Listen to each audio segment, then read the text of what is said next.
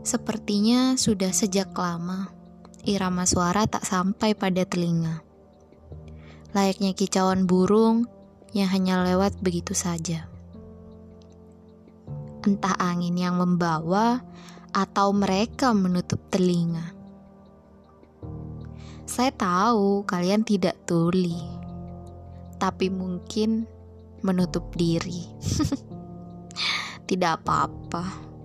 Kalian kan penguasa, bebas bertingkah macam anak-anak saja. Oh, tunggu-tunggu.